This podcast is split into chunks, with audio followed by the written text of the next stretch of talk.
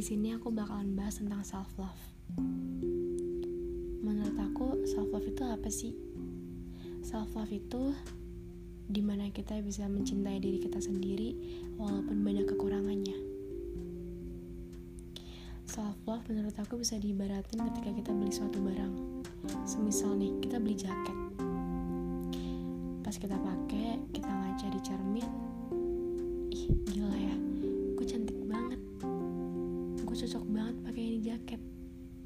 Sumpah sih gue cantik. Terus kamu pakai di depan teman-teman kamu.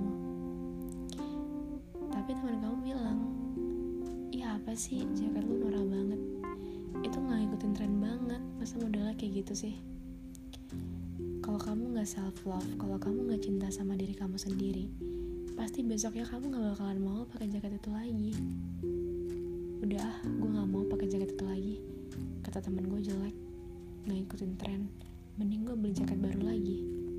Tapi kalau kamu emang self love, kamu cinta sama diri kamu sendiri, kamu bakalan pakai itu jaket terus. Even pas kamu ngumpul sama teman-teman kamu di depan orang yang ngatain kalau jaket kamu itu jelek.